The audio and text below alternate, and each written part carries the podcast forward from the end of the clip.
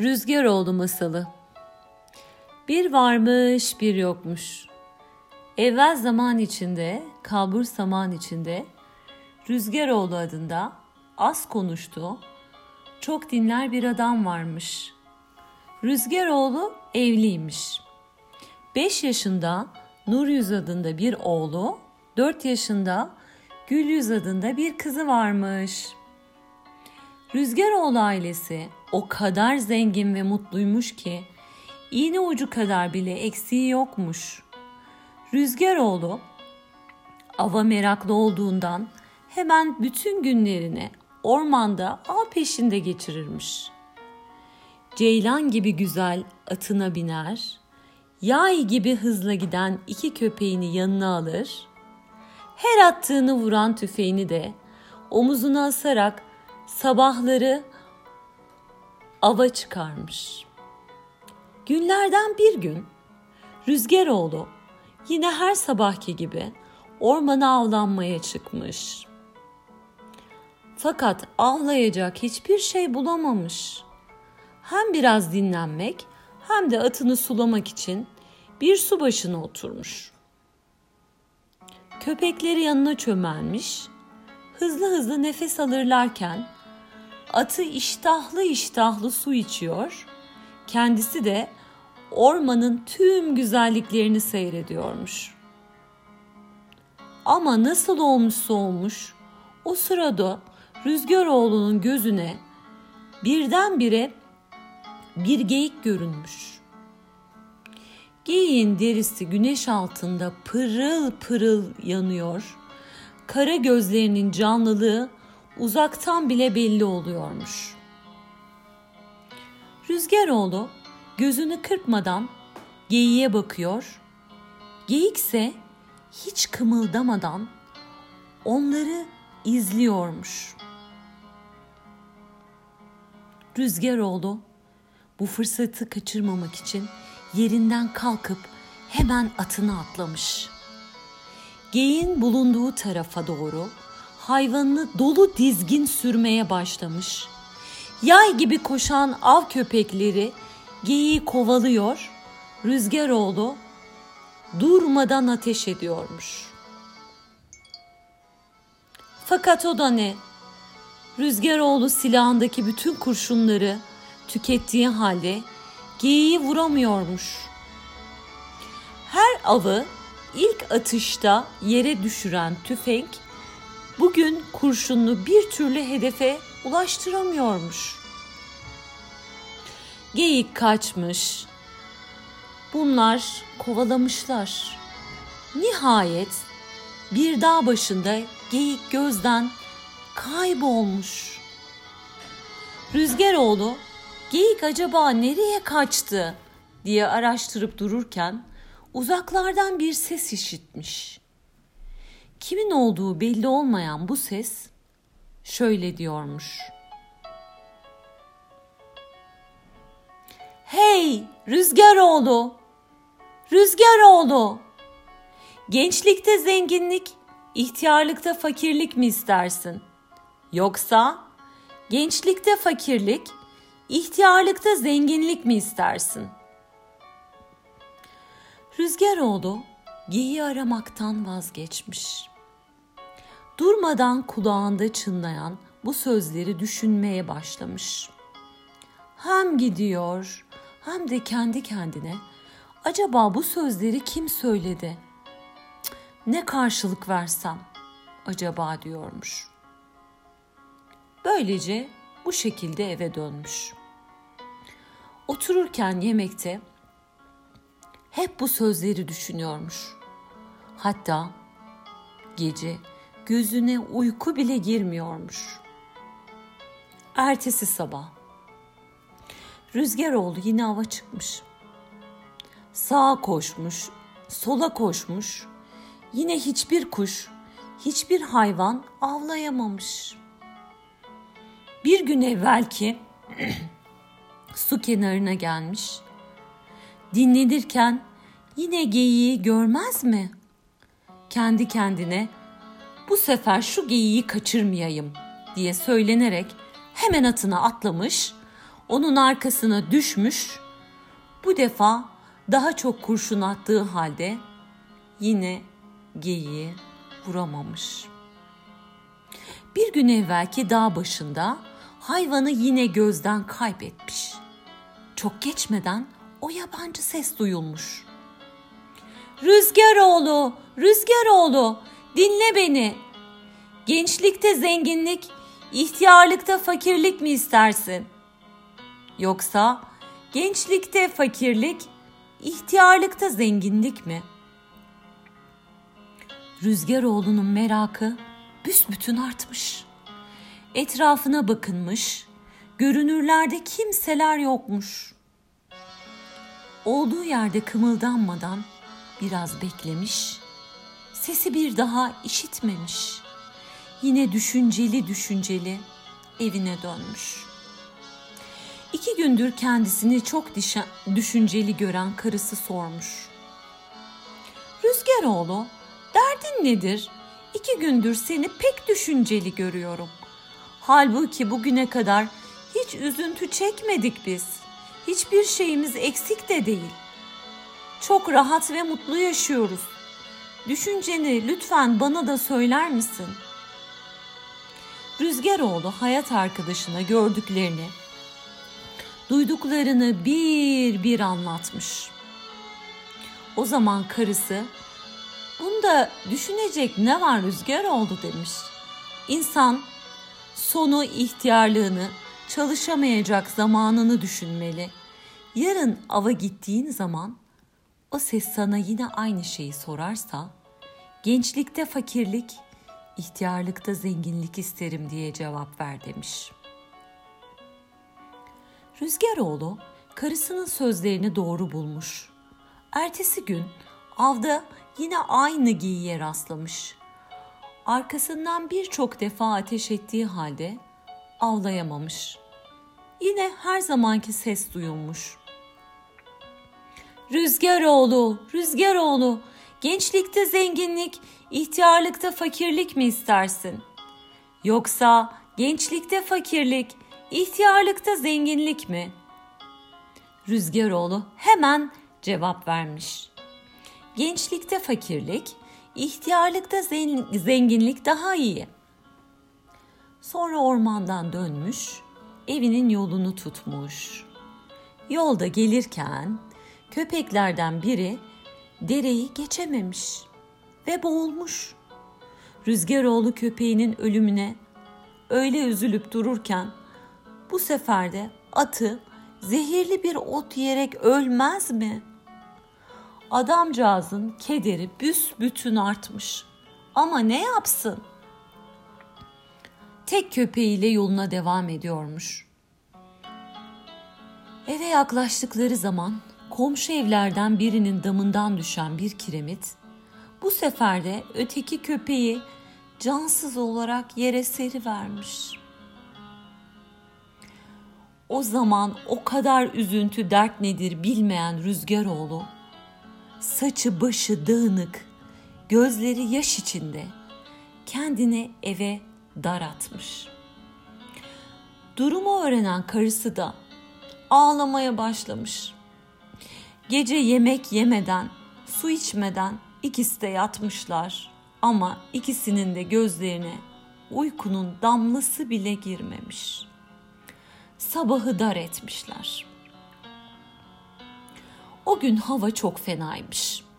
Hem şiddetli bir fırtına esiyor, hem de yakınlara şimşekler düşüyormuş. Şimşeklerden biri Köşkür civarındaki kuru otları tutuşturmuş. Derken yangın büyümüş, büyümüş, köşkün etrafını sarmış. Gaz açıp kapayıncaya kadar köşkün saçağını alevler almış. Fırtınanın şiddetinden koca köşk bir anda ateşler içinde kalmış, kül olmuş gitmiş. Rüzgaroğlu karısı ile çocuklarını güç halde dışarıya çıkarmışlar. Ne eşya, ne para, ne de giyecek bir şey. Kurtaramadıkları için sokak ortasında öylece kala kalmışlar. Nur yüzle gül yüz durmadan ağlıyor. Anneleri de onlarla birlikte gözyaşı döküyormuş. Babaları Rüzgar oğlunun da içi kan ağlıyormuş ama belli etmemeye çalışıyormuş. Üzülmeyin diyormuş. Ne yapalım? Oldu bir kere. Elbet yine çalışır, çabalar. Ev bark sahibi oluruz. Yine eskisi gibi günlere, güzel günlere geri döneriz demiş. Koca köşk yanıp kül olduktan sonra fırtına durmuş. Hava düzelmiş. Güneş tatlı sıcaklığıyla etrafı ısıtmış. Rüzgaroğlu çocuklar anneleri biraz kendilerine gelir gibi olmuşlar. Artık bu memlekette kalmanın faydası olmadığını söyleyerek oradan uzaklaşmaya karar vermişler. Yayan yapıldak, çırılçıplak yola düşmüşler. Az gitmişler, uz gitmişler. Dere tepe düz gitmişler. Dereler tepeler aşmışlar ve bir köye varmışlar. Orada bir çiftçinin yanına giderek tarlada iş görmeye başlamışlar. Dördü de kendilerine göre iş görüyor. Akşama kadar tarlada tırpan sallayıp harmanda düven sürerek karınlarını doyurabiliyorlarmış. Birkaç gün sonra orada hiç iş kalmamış. Başka köye gitmek için yine yola koyulmuşlar. Kayalıklı yamaçlardan geçerek dikenli otlardan atlayarak gün boyunca gitmişler, gitmişler. Çok geçmeden önlerine geniş bir çay çıkmış. Çay hiçbir yerden geçit vermediği için karşıya yüzerek geçmek geçmeleri gerekiyormuş. Baba ile anne yüzerek karşı tarafa geçebilmişler. Ama çocukların nasıl geçeceğini düşünmeye başlamışlar.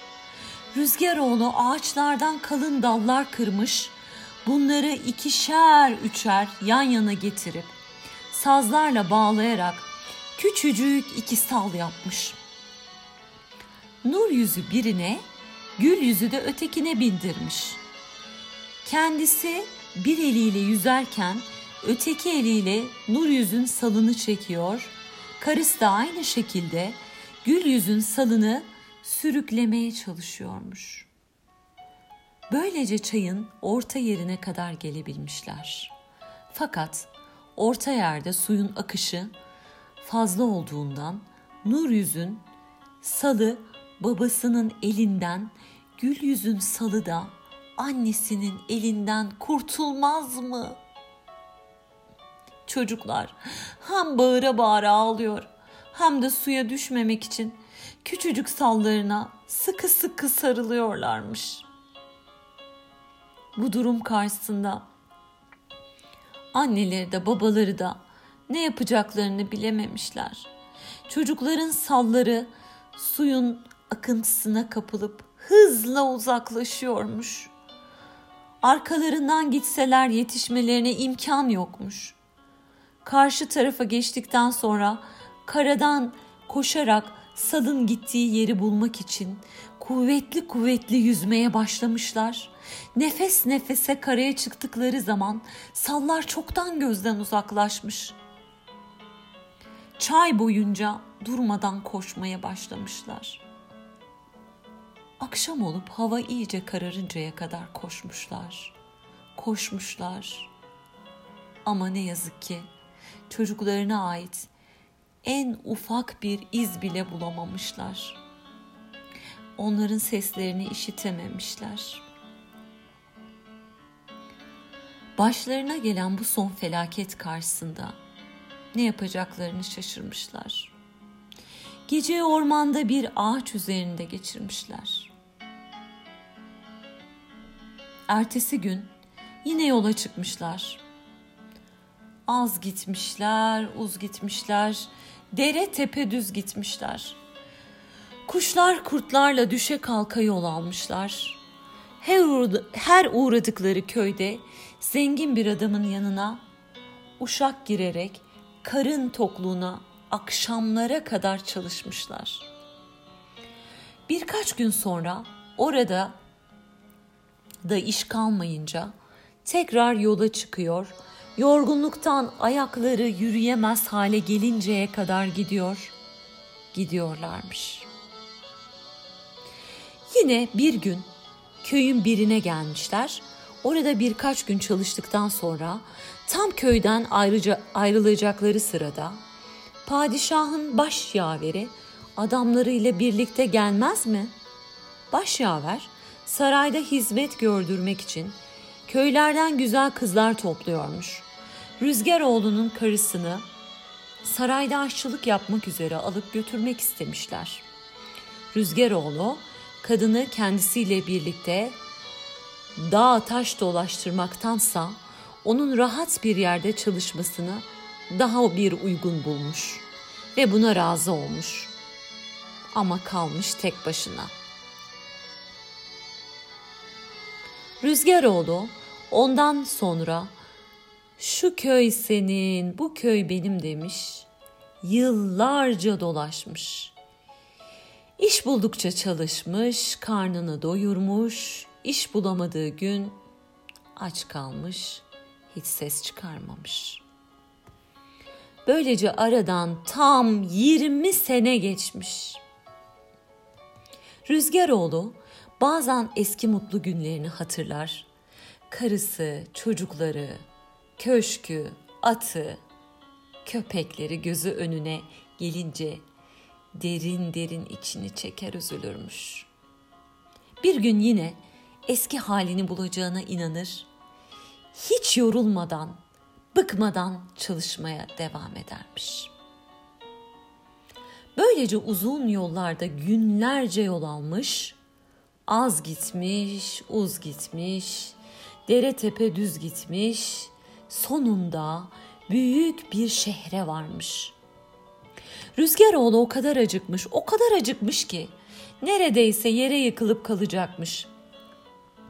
Bir fırın bulup bir parça ekmek istemek için saatlerce dolaşmış fakat ne koca şehirde bir kimseye rastlamış ne de bir fırın bulabilmiş.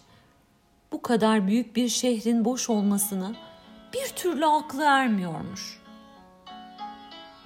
Sağa sola bakınmış, Gözüne bir fırın ilişmiş. Hemen koşmuş. Kapısı açık. Ekmekleri meydanda olduğu halde fırında kimsecikler yokmuş. Açlıktan neredeyse ölecek bir duruma gelmiş olan Rüzgaroğlu, başında sahibi bulunmayan malı almanın hırsızlık olduğunu düşünerek ekmeklere elini bile sürmemiş. Neredeyse gelirler kendilerinden isterim diye düşünerek fırının önüne oturmuş, baygın bir halde beklemeye başlamış. Meğer o gün memlekette padişah seçimi varmış.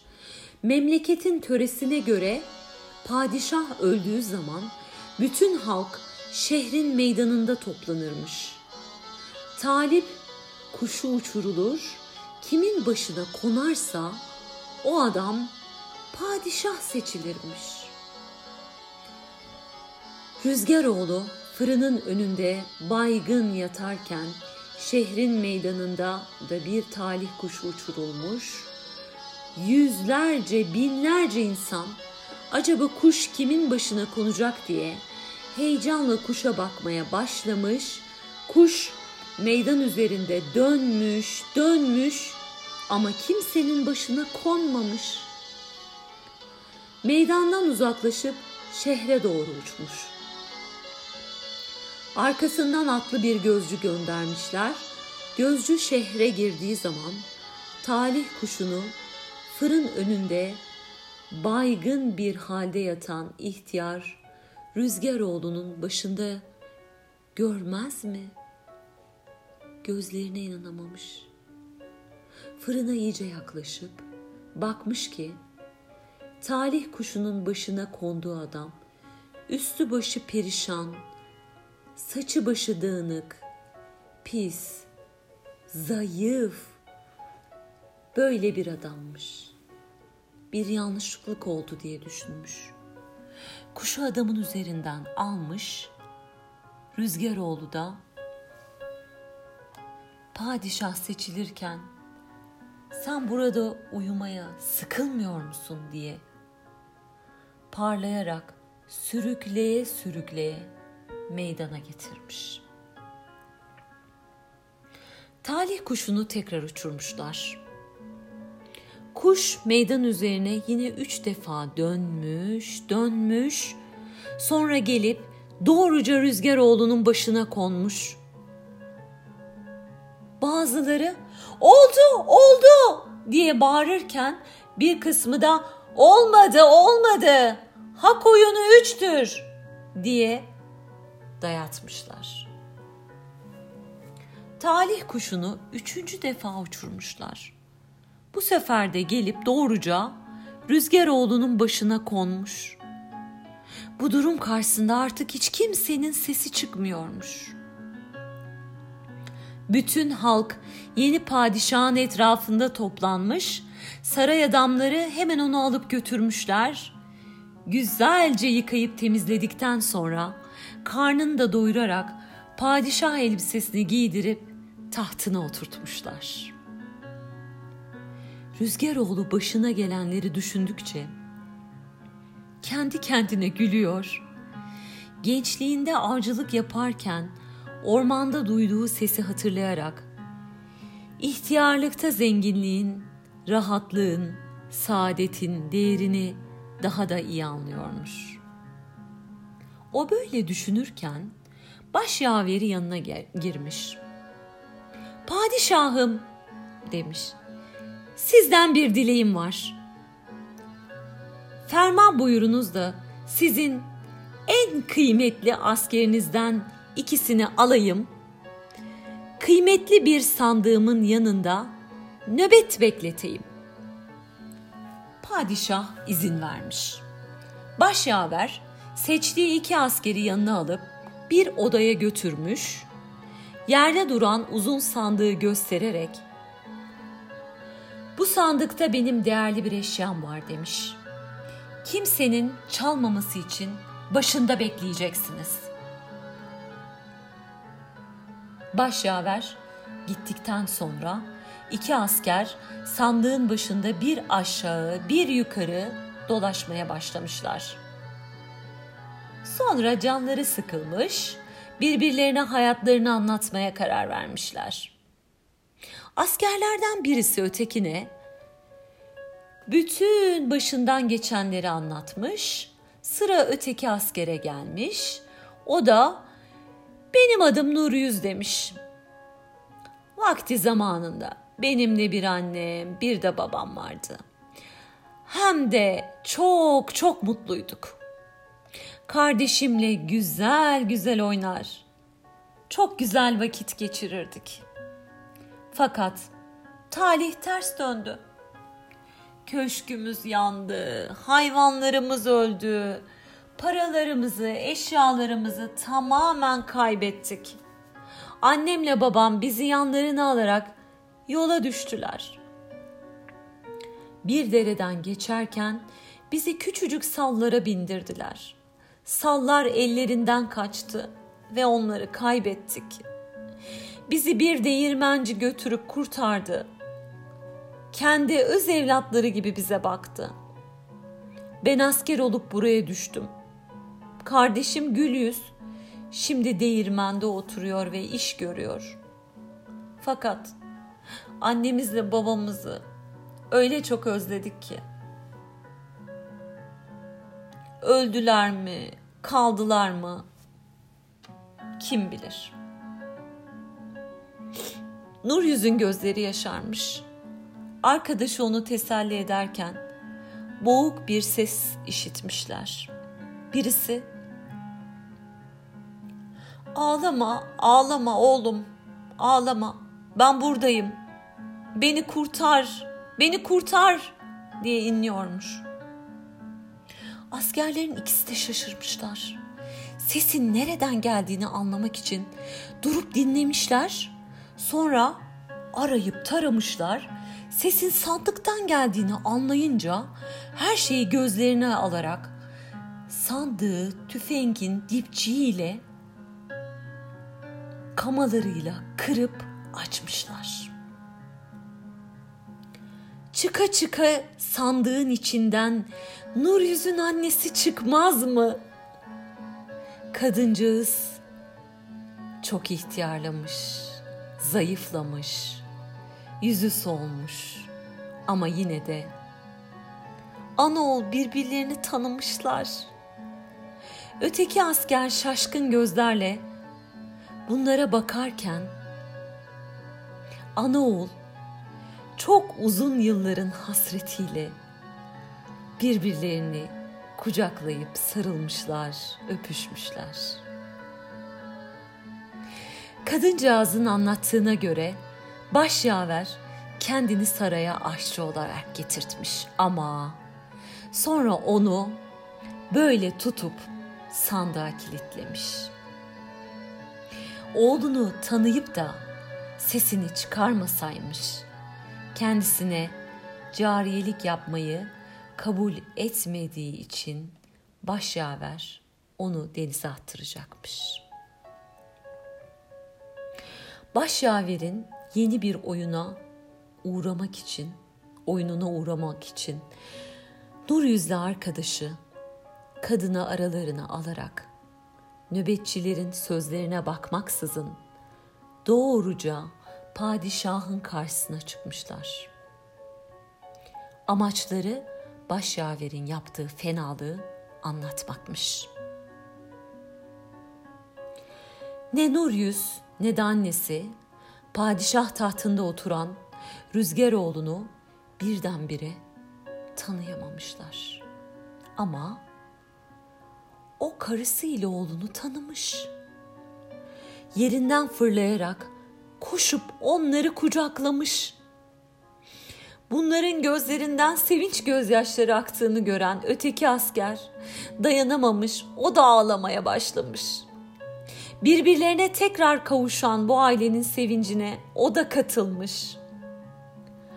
Padişah Rüzgaroğlu sevgili kızı Gül Yüzü de çok özlemiş.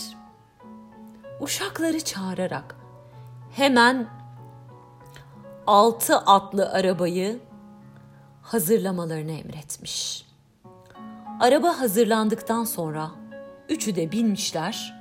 Padişah karısını kurtarmada büyük yardımı olan askeri de kendisine arabacı başı yapmış doğruca kızın bulunduğu değirmene gitmişler. Kızı büyümüş, çok güzel bir genç kız olmuş. Gül yüze babasının, annesinin, kardeşini karşılaşması, kucaklaşması doğrusu görülecek şeymiş. Yanlarına kızları ile birlikte değirmenciyi ve karısını da alarak saraya dönmüşler.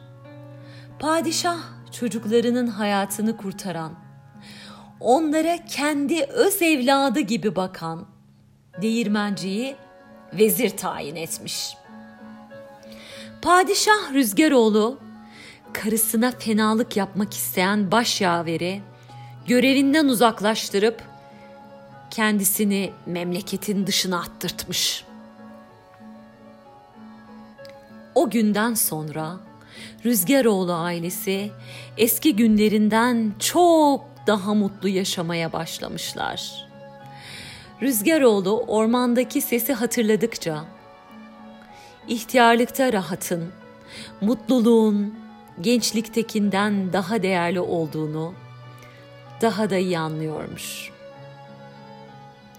Onlar ermiş muradına darısı sizin başınıza.